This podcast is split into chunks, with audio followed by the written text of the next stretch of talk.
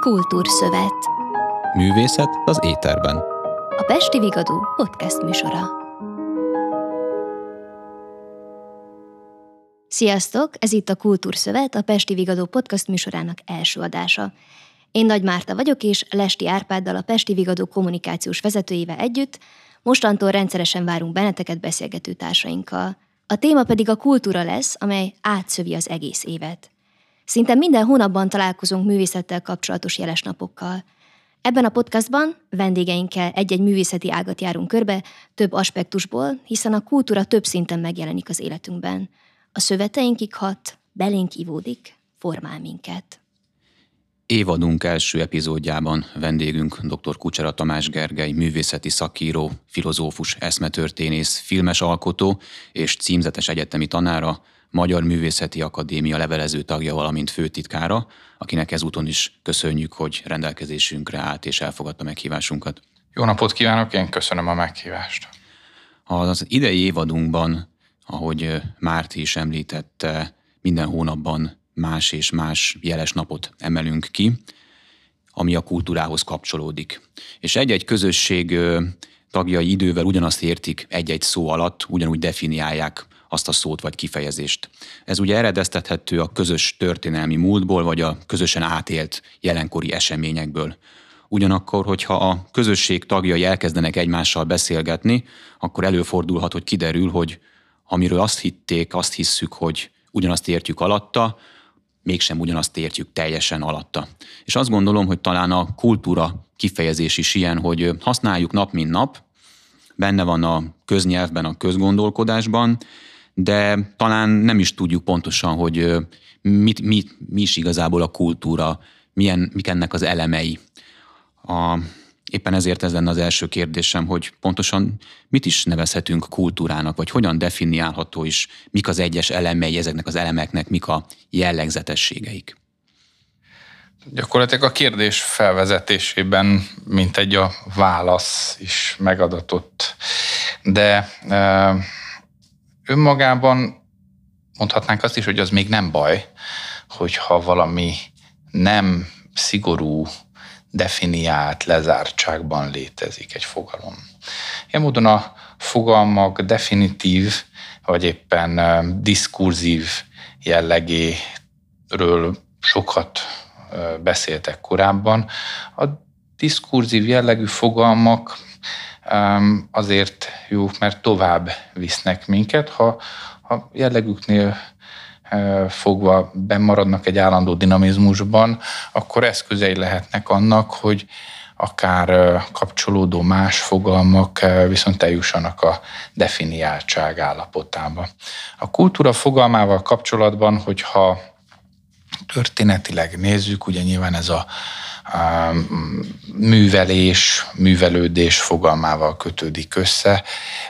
Nem mennék bele most az szó e, történeti etimológiájába, e, mert az talán nem annyira érdekes, és mindenki e, nagyjából egészéből megtalálja minden értelmező szótárban, hanem inkább azt érdemes megnézni, hogy valójában, ha ahogy a kérdéshez kapcsolódó felvezetésben is volt, ha megnézünk szótárokat vagy tankönyveket egymást követően, akkor valóban más és más szemlélettel, más és más megközelítésben találkozunk a kultúra fogalmával. A kultúra fogalmának definiálása, meghatározási kísérlete több százra rúg csak hogyha nézzük a társadalomtudományokat.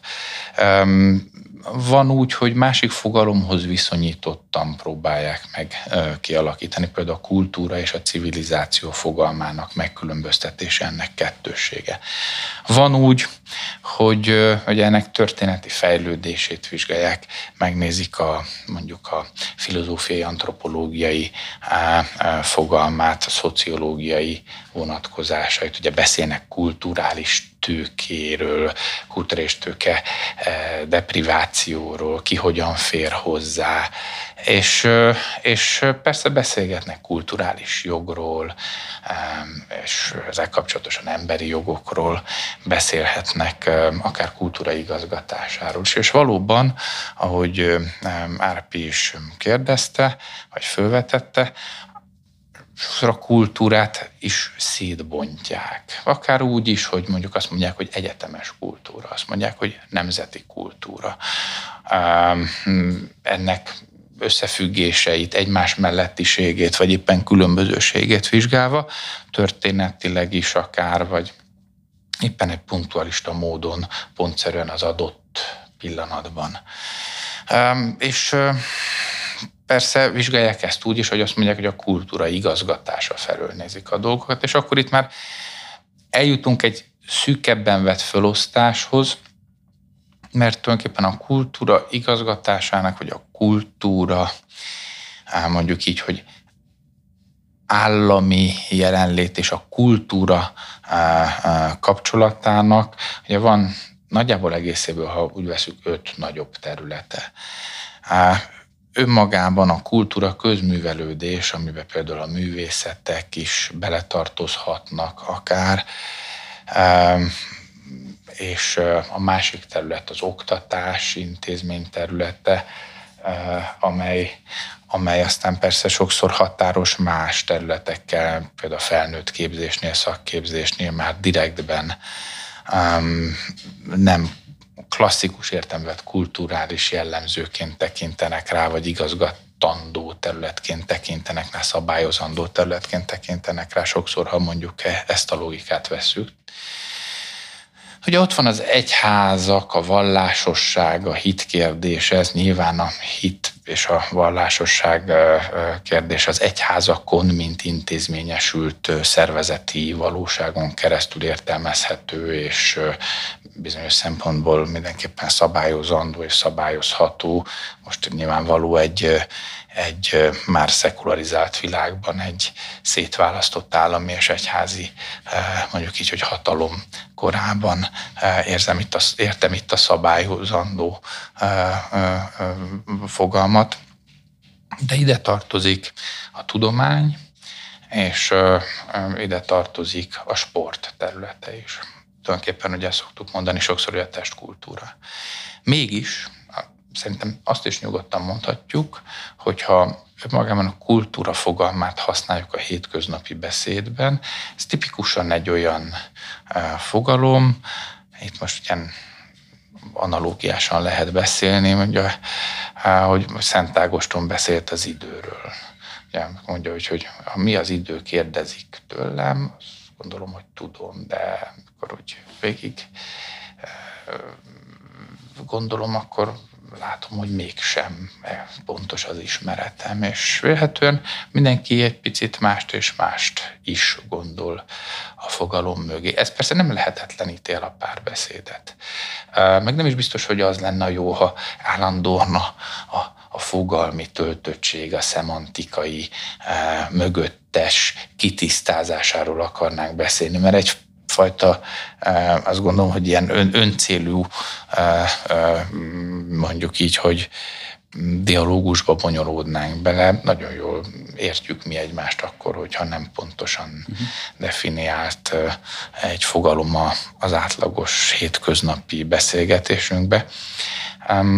És, és akkor is működik ez, hogyha egy tegyük fel tudományos párbeszédben, mondjuk az elején tisztázzuk az eltérő tartalmú fogalmainkat, vagy részben eltérő tartalmú fogalmainkat, hiszen ez már önmagában egy diskurzus alapját adhatja. Szóval visszatérve, nyilvánvalóan, ha egy társadalmi megközelítésben veszük, akkor, akkor más, hogyan, más mértékben érintenek meg minket a kultúra előbb felsorolt területei.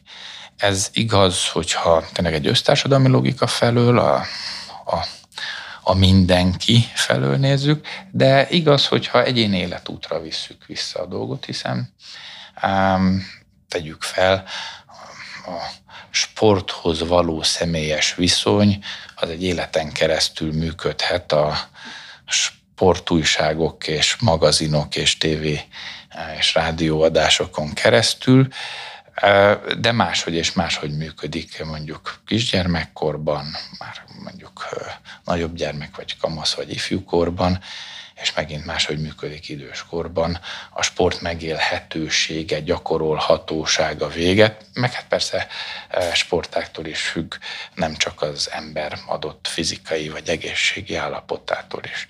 E, de mindenképpen nyilvánvaló a legtermészetesebb dolog, mivel az ember test, szellem és lélek, hogy a test művelése és testgyakorlást az, az ugyanúgy a kultúra része kell, hogy legyen, mert ha nem az, akkor biztos, hogy a többi része is mondjuk így, hogy beteges állapotba fordul.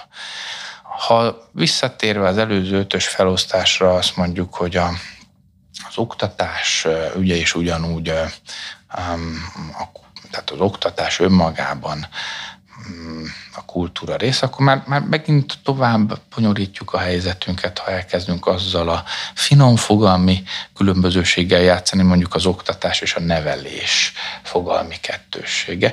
Én azt tanítom, amikor egyetemen ezzel kapcsolatosan előadást tartok, hogy, hogy nem véletlen a fogalomválasztás, hogy mondjuk Magyarországon az elmúlt évtized során a közoktatás helyett a köznevelés fogalmisága vezetődött be. Ez egy tudatos politikai, szakmapolitikai döntés volt, teljesen jól meghatározható üzenet és lefordítható üzenet. Ez ilyen módon pontosan arról szól, hogy nem csak tudástartalom, hanem a tudástartalmon túl á, például mondhatjuk így, hogy kulturális értékátadás is történik abban az intézményrendszerben, ami az oktatáshoz vagy oktatáshoz, neveléshez eh, kötődik. És itt nyilvánvalóan mondhatjuk, hogy ez a modern államiságnak a része, és ez szinte mindenhol uh, erős állami jelenlét mellett a része az oktatási intézményrendszer. Ugye a modern tömegtársadalmak kialakulásának pontosan a, egy, a mögöttes közös tudás, közös érték választás, vagy érték bírása az alapja. Ezt gyakorlatilag nyugodtan mondhatjuk, hogy az elmúlt két-háromszáz esztendőben az egyre erősödő oktatási intézményrendszerrel, majd kötelezővé tett alapiskoláztatással teremtették meg. Itt mondtam egy szót, amihez mindenképpen majd vissza kell térnünk, az érték fogalma, de erre majd talán később érdemes visszatérnünk. Tehát ilyen szempontból a kultúrának ezen területe az biztos, hogy erősebb társadalmi jelenléttel, több szabályozottsággal, több tartalmi uh, um, kontrollal akár, um, vagy erős ajánlásokkal működik, hát és gondoljuk arra, hogy ez pont mindig is mindenhol vitatárgyát is képezheti. Hát emlékezünk csak mondjuk a Nemzeti Alaptantervvel kapcsolatos elmúlt években lezajlott társadalmi, szakmai, politikai vitára.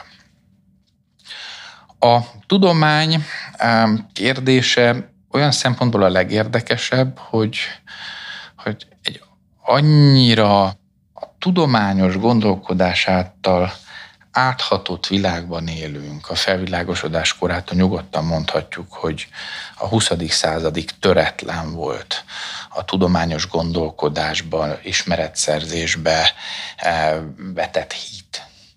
Eh, mert ez is inkább csak egy hit. A szak tudás fölértékelődése, és a hétköznapjaink technicizálása. Tehát ma már azon is túl vagyunk, hogy higgyünk abban akár, hogy utolérhetjük azt, hogy tudásban, hogy legalább értsük, tudjuk, hogy milyen használati tárgyaink vannak. Szerintem most már évtizedes távlatban feladtuk azt, hogy azt mi meg is szereljük akár. Sőt, nem is teszik lehetővé. Most gondoljunk arra, hogy mondjuk egy gépjárműnek a, a, a a lámpáját ma már, hogyha az az autó az elmúlt mit másfél évtizedben legyártott, elkészített használati eszközként értelmezhető olyan elemei vannak, amiben már nem tudunk belenyúlni. És nagyon a működési elveiről sem hát, tudunk miközben, miközben ráhagyatkozunk ezekre az eszközökre, és miközben azt hiszük, hogy, hogy értjük azt a világot, amiben vagyunk, nem. És ilyen szempontból a tudomány a maga logikájában a tudós közösség zárt világa alapvetően.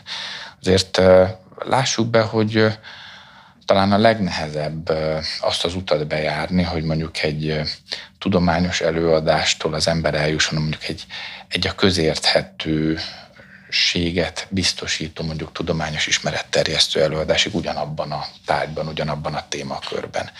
Tehát ilyen szempontból a tudomány ugyanúgy a mindennapunk része, onnantól kezdve, hogy reggel kinyitjuk a vízcsapot és este lekapcsoljuk a lámpát, de legkevésbé rendszeresen reflektált része talán az életünknek.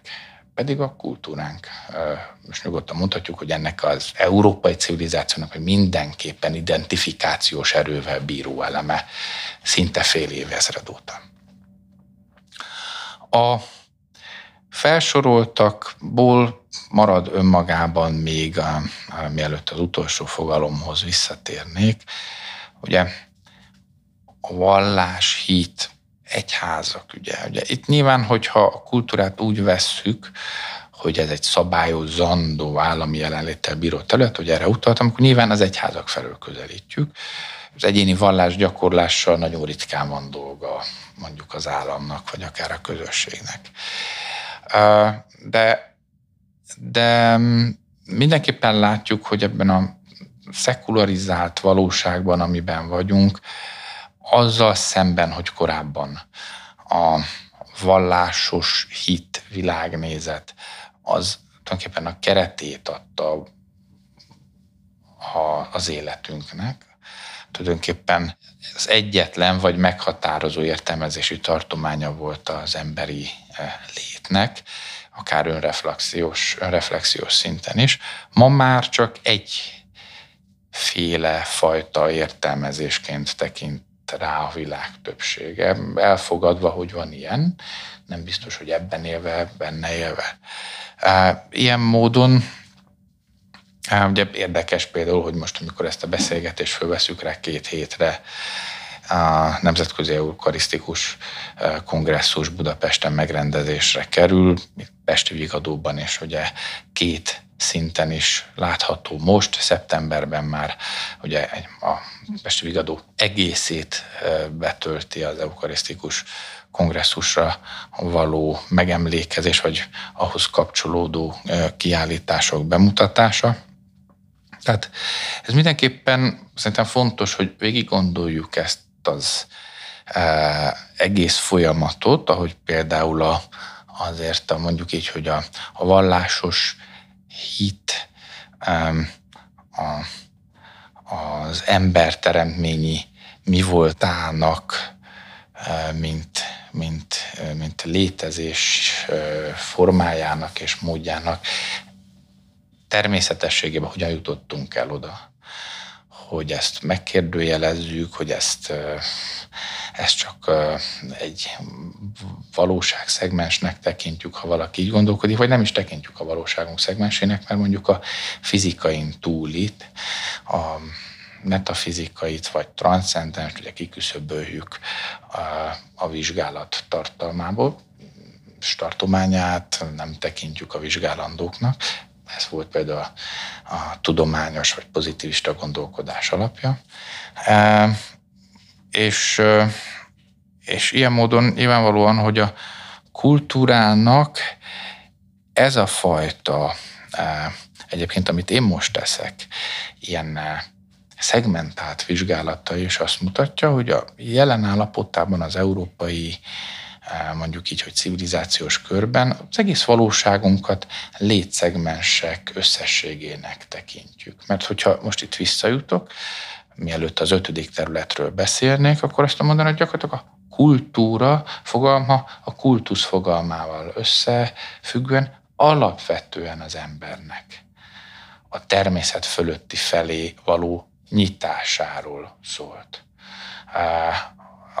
Azok a, azok a cselekedetek, amelyeknek direkt funkcionális haszna, tehát mint egy eszközkészítés nem volt, azok, azok voltak az első dolgok. Itt kötöm össze a negyedik témát az ötödikkel, ugye a, az előbbi mondjuk a vallásos hitet és a és ennek intézményesültségét, és ennek akár a, mint kultúra szegmensnek a kérdését így lezárom, de összekötöm azzal, hogy a kultúra és a kultusz fogalma, nyilvánvalóan a kultúra fogalma a kultusz felől táplálkozik és táplálkozott, és ez megkérdőjelezhetetlen volt sokáig. Most már mondjuk az, hogy tudományosan megint elfogadottként értelmezhetjük, és ez a, ez a, a transzcendens felé való nyitottság, vagy a természet felettivel való párbeszéd e, módja volt, és ennek a, vagy, vagy párbeszédnek a, a, a, a gyakorlata volt, és ennek módja volt az, ami mondjuk az ötödik terület, a kultúrában mindenképpen mondjuk a művészet kérdése. És most, hogy azért, hogy kiengeszteljük, hogy magunk felé fordítsuk a természet feletti erőket, isteneket, Istent. Vagy azért, hogy uraljuk a tőlük kapott többleterővel a többi természeti lényt. Ezek már részletkérdések, egyszerre jelenik meg ezekben a korai, mondjuk így, hogy nem direkt funkcionális cselekedetekben, de mégis céltételező cselekedetekben, hiszen eredményt akartak vele elérni, ha ilyen módon vesszük. A, mindkét elem, a hódolat és, a, és az uralom egyaránt megjelenik az emberi gondolkodásban, mögöttesben, és ezek azok a dolgok, amelyek az embert emberré teszik. Tehát ilyen módon a, a, a műalkotás, a, a művészeti tevékenység vélhetően minden más tudatos, az előbb felsorolt kultúra szegmens, vagy ami abból lett e, előtti. És ilyen módon, mivel minden más előtti, önmagában, és itt e, mondtam, hogy elhagytunk egy fogalmat, az érték fogalmát, a, legszorosabban kapcsolódik a, a ilyen módon vett művészeti tevékenység, vagy a kultúra és a, a művészet fogalma, az érték fogalmával az érték választás, az érték elés. Ha végig gondoljuk, az egyetlen mondjuk így, hogy földi létező teremtmény az ember, aki értékel ezért veszélyes minden olyan gondolat, eszmeirányzat, ami ugye értékek egyenlőségét, összevethetetlenségét feltételezi vagy hirdeti. Hiszen a legalapvetőbb emberi tevékenységet, én azt mondanám, hogy ami a, az embert azzá teszi, ami, mindegy, hogy homo sapiensnek, homo ludensnek, homo religiosusnak, akárminek mondjuk. Amit teszi, az értéke, az értékválasztás, az érték hierarchia kialakítása. Nincs az értékekben demokratizmus. E, mert akkor ugye az egymás mellettiségben feloldódik maga az értékelés legbelsőbb lehetősége és, és, és valós e, célhoz jutási lehetősége. És eképpen nyugodtan mondhatjuk, hogy a leginkább ez a fajta mondjuk értékfelmutatás, értékkifejezés, nyilvánítás formálás gyakorlatilag mégis a művészethez köthető a kultúra összeszegmensei között. Az előbb említett módon szerintem visszavezethető, hogy a többinél miért nem ennyire, hogy az oktatásnál inkább már a meglévő átadása, a sportnál nyilván más típusú értékfelmutatás van, de teljesen egyértelmű, hogy a test egészségének megőrzése, fejlesztése, vagy éppen a magasabb sport teljesítmények, ezek mondjuk ilyen módon megadott dolgok. A vallásos hitnél nyilvánvalóan az, abból kell kiinduljunk, hogy a, hogy a hit az egy adomány, és abból kell kiinduljunk, hogy ott az értékválasztás valahonnan, az alap, az nem tőlünk függ, és nem a, a, a mi lehetőségünk a, annak meghatározása. A tudománynál feltételezzük, hogy van egy végső cél, tegyük fel egy olyan humanisztikus cél, ami az emberiség jóléte és még jobb léte felé visz ez a tevékenység, és minden ilyen szempontból értékhető tudományos eredmény onnan méretik meg, hogy valóban erre visze vagy sem. És a legnagyobb szabadság, és itt a szabadság fogalma is bejön a kultúra fogalmaz kapcsolatban, mégiscsak a, a, a művészetnél van meg ahhoz, hogy az értékek felmutatásával, az értékválasztás lehetőségével önmagában a tevékenységen belül játszon. Ezért talán a leghétköznapibb is. És akkor itt térek vissza arra, és lezárom ezt a kört, amit Árpi az elején kérdeztél, hogy a hétköznapi szóhasználatban amikor kultúráról beszélünk, legtöbben valahogy mégiscsak művészeti tartalommal kötik össze. Tehát pont a másik négy nem evidensen rögtön a kultúra fogalma mögött lévő e, e, jelentéstartománynak. Azt mondta, végig gondoljuk, hogy végig beszéljük, persze, persze, hát nyilván ezek is oda tartoznak, de mégsem. Ez olyannyira igaz, hogy egyébként ilyen szempontból, hogy csak megnézzük a magyar, oktat, a magyar e, kormányzati logikát, vagy ottani akár feladatfelosztás is. Ugye külön államtitkársága van az oktatásnak, külön a, a tudománynak, külön a sportnak, külön az egyházi ügyeknek, és külön a kultúrának, ami alatt ugye leginkább ugye a művészet, a közművelődés ügye értett, vagy elgondolt, pedig hát ugye az előbbi ek alapján nyugodtan mondhatjuk, hogy lehetne ez máshogy is, vagy értelmezhető lehetne ez, ez máshogy is. Szóval visszatérve mindez, ezért van az, hogy a hétköznapi beszédben azt meghatározó a kultúra fogalmának a művészettel, vagy művészetekkel, vagy művészetekhez kötődő tevékenységgel való feltöltöttsége.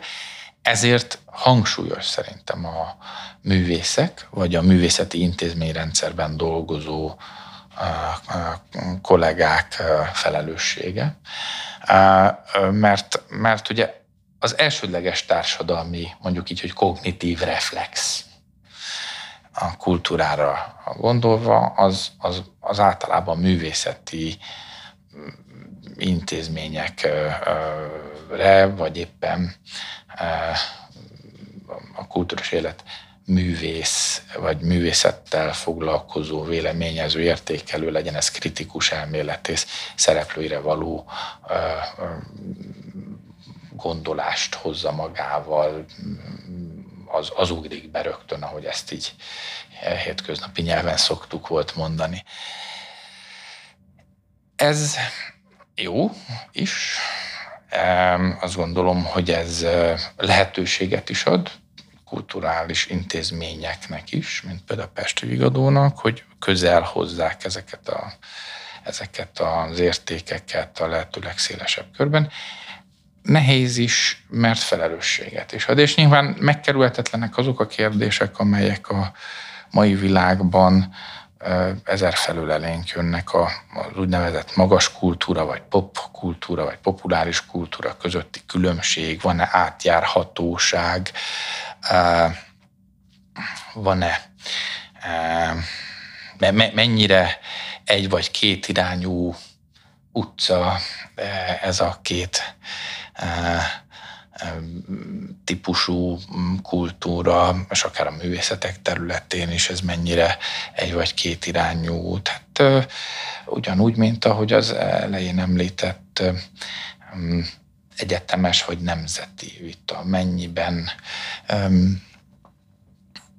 tartható fönt abban a globalizált ne kerüljük meg a szót kulturális térben, telekommunikációs térben, informatikai, digitális valóságban, a, a sajátos, a nemzeti.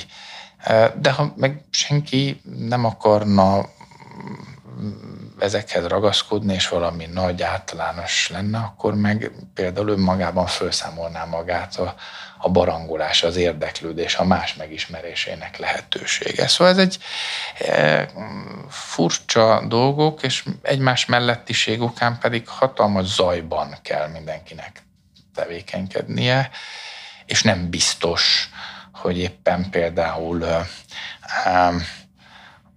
a, a zaj állapotában a, a abban a versenyben mindenkinek be kell szállnia, hogy hangosabban akar szólni a másik. Hát velem szembeülő két kommunikációs szakember nyilván érti, mire gondolok.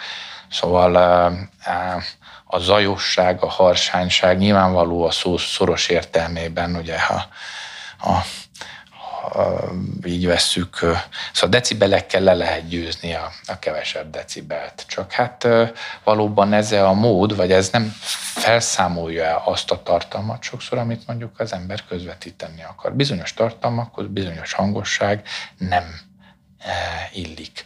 És ilyen szempontból én meg régi vágású vagyok, és azt szoktam mondani, hogy, a, hogy az én felfogásomban, akár esztétikai felfogásomban is a tartalom és a forma egymást feltételező, vagy egységet alkot, vagy nem. Mert ezt az elmúlt néhány száz évben többen megkérdőjelezték, nem baj, azért vagyunk különbözőek, hogy, hogy így legyen valóban színes a világ. Én megengedem magamnak, hogy ilyen régebbi gondolatok mentén szervezem a saját gondolataimat. Az év során folyamatosan találkozunk az ön által a kultúra ötödik szegmenseként említett művészet, kapcsolatos jeles napokkal. Vajon alkalmasak-e és elegek-e ezek a kiemelések arra, hogy ráirányítsák a figyelmet az adott területre? A kérdés, ha úgy ö, akarjuk megválaszolni, hogy jobb-e az, hogy vannak, mint hogyha nem lennének, akkor azt mondom, hogy jobb, hogy vannak. A lehetőséget adják meg, hogy pont az előbb említett mondjuk tartalom bőségben és sokaságban, bár M plusz egyedik elemként megjelennek, viszont mivel vannak, rájuk lehet találni. Felhívhatják a figyelmet, oda vonzhatják az érdeklődők tekintetét. De ugye itt jön a következő, a felelősség, ha, ha nem jól működnek, akkor ugye a mai világban, amilyen gyorsan rátalál valaki valamilyen tartalomra, olyan gyorsan el is engedi, ha nem tetszik, nem tetszettős. Most, hogy éppen mit tetszik, vagy mi nem, és akarjuk-e, hogy föltétlenül mindenkinek tessék az a dolog, ez megint egyfajta felelősség. Erre utaltam, azt gondolom, hogy talán még érthetően is az előző gondolat soron végén. Nem biztos, hogy úgy kell egy emlék napot, vagy egy dedikált napot ami a kulturális emlékezet része, vagy értékfelmutatás, ez, hogy föltétlenül mindenki megértse, mert ha, sokszor, ami mindenkihez szól, az nem szól senkihez. Ami, ami senki által nem meghatározottan mindenkié, e, ugye most nagyot ugranánk, hogyha ebben nagyon belebonyolódnánk, de ugye nagyjából ez a demokrácia kritikák egyik alapja.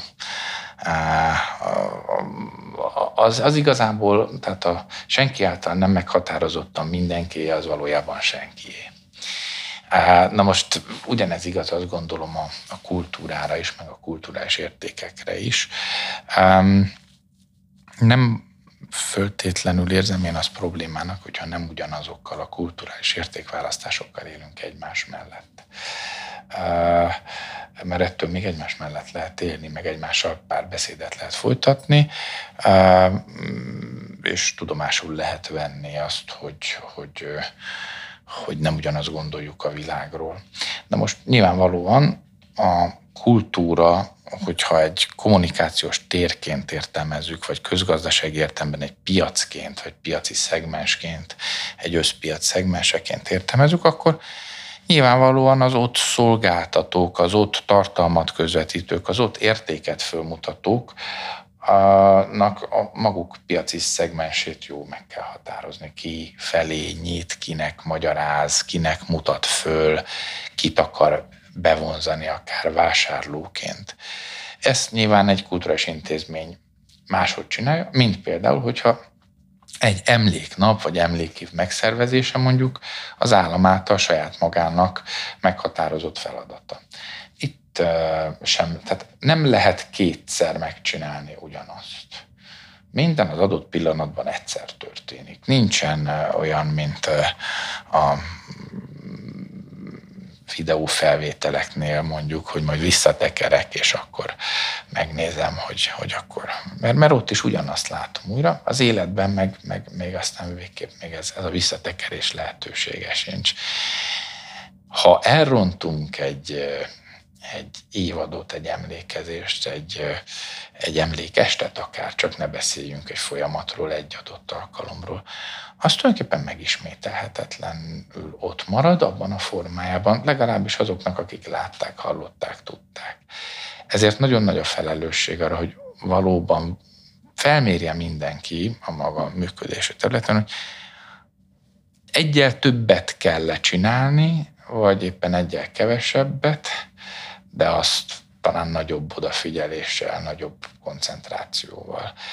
Tekintettel arra, mert erre utaltam az előbb, hogy ilyen módon á, nyugodtan mondhatjuk, hogy, hogy a világ bármely pontján, a világ egy másik pontján elénk tárt kulturális ö, eseménnyel, produkcióval, ö, találkozhatunk, az ízlésünk szerint kialakíthatjuk a keresési formákat. Persze az is egy kérdés, hogy most persze egy ilyen podcast felvételen ülünk, tehát hogy, hogy, hogy ezek a fajta nem fizikai találkozások, ezek, ezek mennyire azok, amelyek szerintem önmagában, ha már visszakanyarodunk az első kérdéshez, a kultúráról szólnak. Azt gondolom, hogy a mi civilizációnk, az európai civilizáció, és szerintem a, az, ami emögött is van, nyugodtan mondhatom, hogy az emberiség egyetemes története, az a személyi köziségen alakul, alapult, és, és abban formálódott. A személyi köziségnek el idegeníthetetlen, meghatározó része az, hogy az ember fizikai létező is. Nem lehet a személyközi interakciókat kizárólag a virtualizált térben, vagy döntően a virtuális térben megélni. Um, nyilvánvalóan, hogy amikor ezeket kimondom, mindenki mosolyog egy kicsit, és mondja, hogy nagyon kedves, old school, középkorú úr beszél itt bele a mikrofonba. Lehet, hogy így van, ez engem nem zavar, én is sokat szoktam magamon mosolyogni, lehet, hogy akkor is mosolygok, mint most, amikor ezt kimondom. De, de ez így van rendjén, hogy, hogy például én viszonylagos rendszerességgel megkérdőjelezem ezt az egész virtualitásban eltöltött időt, hogy ez valós időe, valós emberi időe. Ez ugyanannyira uh, uh, nem gondolom, hogy valós emberi idő, mint amikor az emberek csak a testiségben evés, ivás, nemiség, vagy éppen a Pest mondjuk így szépségének, épségének kizárólagos bűvöletében élnek, és napi tizenvalahány órát ezzel foglalkoznak. Az emberiség történetében látunk ilyen túllengéseket, amikor ez a fajta mondjuk értékválasztás meghatározó már egy-egy mondjuk így, hogy civilizációs civilizáció állapotában, ez általában végstádiumot szokta jelenteni, mint ahogy, mint ahogy, mint ahogy azt gondolom, hogy az sem az épséget mutatja, amit, amikor azt gondoljuk, hogy megélhetjük napi tizenvalány órában, azt mondjuk, hogy kulturális termékeket fogyasztunk virtualitásban, vagy éppen emberi kapcsolatokat tartunk fönn, de közben ki sem megyünk a szobából, és élő emberrel nem találkozunk. Ez szerintem, hogy ez önmagában egy betegség, ez az én álláspontom, de hogy mindenképpen nagyon könnyen tud egy betegséggel szervesülni, azt szerintem a pandémia elmúlt másfél éve nagyon jól bemutatta. Tehát a betegséggel szervülő, könnyen szervülő valami általában egy másik betegség szokott lenni mert ha nem szervülne vele, hanem kioltaná a betegséget, akkor az az egészség lenne. Úgyhogy azt hiszem, most így körbejártuk ezt a kérdést. Az eredeti, úgymond második kérdésre való válasz pedig az, hogy igenis kell, föl kell mutatni, föl kell mutatni a, a, akár a különböző művészeti ágaknak az ilyen-olyan emléknapjait, éveit, programjait, ebben nyilvánvalóan állami és nem állami szereplőknek egyaránt részt kell venni. Ez önmagában, ha csak abban van egyesség, hogy ez mikor történik, és akár mondjuk ennek van egy központi vagy hát úgy központ, hogy egyezményes mondjuk idősáv választása, ahol aztán mindenki megfogalmazza magáét, és bemutatja mondjuk az adott művészeti ág különböző műhelye, iskolája a maga mondjuk így, hogy művészeti, esztétikai értékválasztása szerint a közönség elé tárandó alkotásait, akkor már ez is jó, elégséges és szükséges. Nyilvánvalóan, mondom, ma már háromszor, négyszer neki mentünk ennek a kérdésnek, nem megkerülhető az a kérdés, hogy ez egy hatékonysági szemléletben nézve, hogy valóban eljusson a közönséghez, ezben hogyan tudja megvalósítani egyik másik közösség, vagy éppen összességében mondjuk, ha ez egy programszerű valami, mondjuk egy emlékév, akkor annak a, a központi mondjuk szervező vagy koordináló bizottsága. Itt, itt, itt nagyon komoly szakmai és emberi felelősség minden esetben, hogy, hogy jól határozza meg, hogy tényleg kikhez és mivel akar eljutni, mert ha önmagában már csak egy zaj összesség, amivel kiáll az eleve meglévő zsibongásban, abból aztán senki nem fog gazdagodni. Nagyon szépen köszönjük mai vendégünknek, dr. Kucsera Tamás Gergelynek, hogy itt volt velünk, és a hallgatóknak is, hogy minket választottak. Következő alkalommal egy jeles napunk kapcsán fogunk beszélgetni a kultúráról. Tartsatok velünk akkor is. Addig is nézzetek szét a Pesti Vigadó honlapján, és keresetek minket a Pesti Vigadó Facebook és Instagram oldalain is. A podcast adásokat a www.vigadó.hu oldalon, valamint a Pesti Vigadó YouTube csatornáján is újra hallgathatjátok. Ez volt a Kultúrszövet, a Pesti Vigadó stúdiójából Lesti Árpádot és Nagy Mártát hallottátok. A hangmérnök Kovács Gergely nevében is köszönjük a figyelmet. Sziasztok!